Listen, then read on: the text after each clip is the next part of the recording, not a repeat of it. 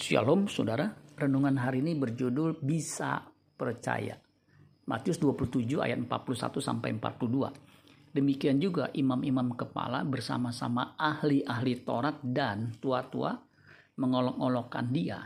Dan mereka berkata, orang lain ia selamatkan, tetapi dirinya sendiri tidak dapat ia selamatkan. Ia Raja Israel, baiklah ia turun dari salib itu, dan kami akan percaya kepadanya. Terjemahan sederhana Indonesia 2 mengatakan begini. Begitu juga imam-imam kepala dan ahli-ahli Taurat dan pemimpin-pemimpin Yahudi menertawakan dan mengejek Yesus. Mereka berkata, orang-orang lain bisa dia selamatkan, tetapi dirinya sendiri dia tidak bisa selamatkan. Kalau dia benar-benar raja orang Israel, biarlah dia turun dari salib itu sekarang dengan begitu kami bisa percaya kepadanya. Apakah benar jika Yesus turun dari salib mereka, yaitu imam-imam kepala bersama-sama ahli Taurat dan tua-tua mau percaya kepada Kristus sebagai anak Allah yang hidup? Kita tidak bisa menjawab pertanyaan ini karena memang Yesus tidak turun dari salibnya. Tetapi mencermati sikap dan perilaku mereka, saya tidak yakin mereka mau percaya kepadanya seandainya Yesus turun dari salib. Kita bisa melihat track record atau rekam jejak mereka. Mereka itu sudah pernah menyaksikan banyak mujizat yang Yesus lakukan, termasuk membangkitkan Lazarus dari kematian. Yohanes 11 ayat 43 sampai 47 mengatakan begini. Dan sesudah ia berkata demikian, berserulah ia dengan suara keras, Lazarus, marilah keluar. Orang yang telah mati itu datang keluar. Kaki dan tangannya masih terikat dengan kain kapan. Dan mukanya tertutup dengan kain peluh. Kata Yesus kepada mereka, bukalah kain-kain itu dan biarkan ia pergi. Banyak di antara orang-orang Yahudi yang datang melawat Maria dan menyaksikan sendiri dan yang menyaksikan sendiri apa yang telah dibuat Yesus percaya kepadanya. Tetapi ada yang pergi kepada orang-orang Farisi dan menceritakan kepada mereka apa yang telah dibuat Yesus itu.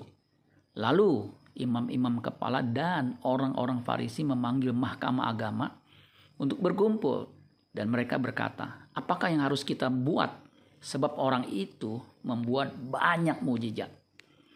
Mereka tidak peduli dengan kebangkitan Lazarus dan mujizat yang Yesus lakukan. Bahkan mereka merencanakan pembunuhan kepada Yesus sang pembuat mujizat Yohanes 11 ayat 53. Mulai dari hari itu mereka sepakat untuk membunuh dia. Orang yang beragama tetapi terikat dengan uang dan harta kekayaan tidak akan bisa menjadi rohani. Lukas 14 ayat Lukas 16 ayat 14 semuanya itu didengar oleh orang-orang Farisi, hamba-hamba uang itu dan mereka mencemoohkan dia. Hal ini dipertegas oleh Rasul Paulus dalam suratnya kepada Timotius 1 Timotius 6 ayat 10. Karena akar segala kejahatan ialah cinta uang. Sebab oleh memburu uanglah beberapa orang telah menyimpang dari iman dan menyiksa dirinya dengan berbagai-bagai duka. Kita juga bisa mendapat penegasan dari narasi orang kaya dan Lazarus yang miskin apakah suatu kebetulan nama Lazarus dipilih dipilih oleh Kristus dalam menceritakan peristiwa orang kaya yang tidak peduli dengan Lazarus yang miskin yang terbaring di dekat pintu rumah orang kaya itu. Jangan-jangan si orang kaya itu mewakili para imam kepala atau malah mewakili imam besar saat itu. Ada penafsiran mengatakan bahwa orang kaya itu menggambarkan para pemimpin agama Yahudi yang cinta uang mereka mendengar berita yang Yesus sampaikan, tetapi mereka menolaknya. Mereka memandang rendah rakyat jelata. Lazarus menggambarkan rakyat jelata yang mau menerima berita Yesus. Mereka dibenci oleh para pemimpin agama Yahudi. Di dalam narasi itu terjadi dialog sebagai berikut. Lukas 16 ayat 27 sampai 31. Kata orang itu, kalau demikian, ini orang kaya, aku minta kepadamu Bapak, Bapak Abraham, supaya engkau menyuruh dia ke rumah ayahku, sebab masih ada lima orang saudaraku, supaya ia memperingati mereka dengan sungguh-sungguh, agar mereka jangan masuk kelak ke dalam tempat penderitaan ini. Tetapi kata Abraham, ada pada mereka kesaksian Musa dan para nabi. Baiklah mereka mendengarkan kesaksian itu. Jawab orang itu, "Tidak, Bapak Abraham, tetapi jika ada seorang yang datang dari antara orang mati kepada mereka, mereka akan bertobat."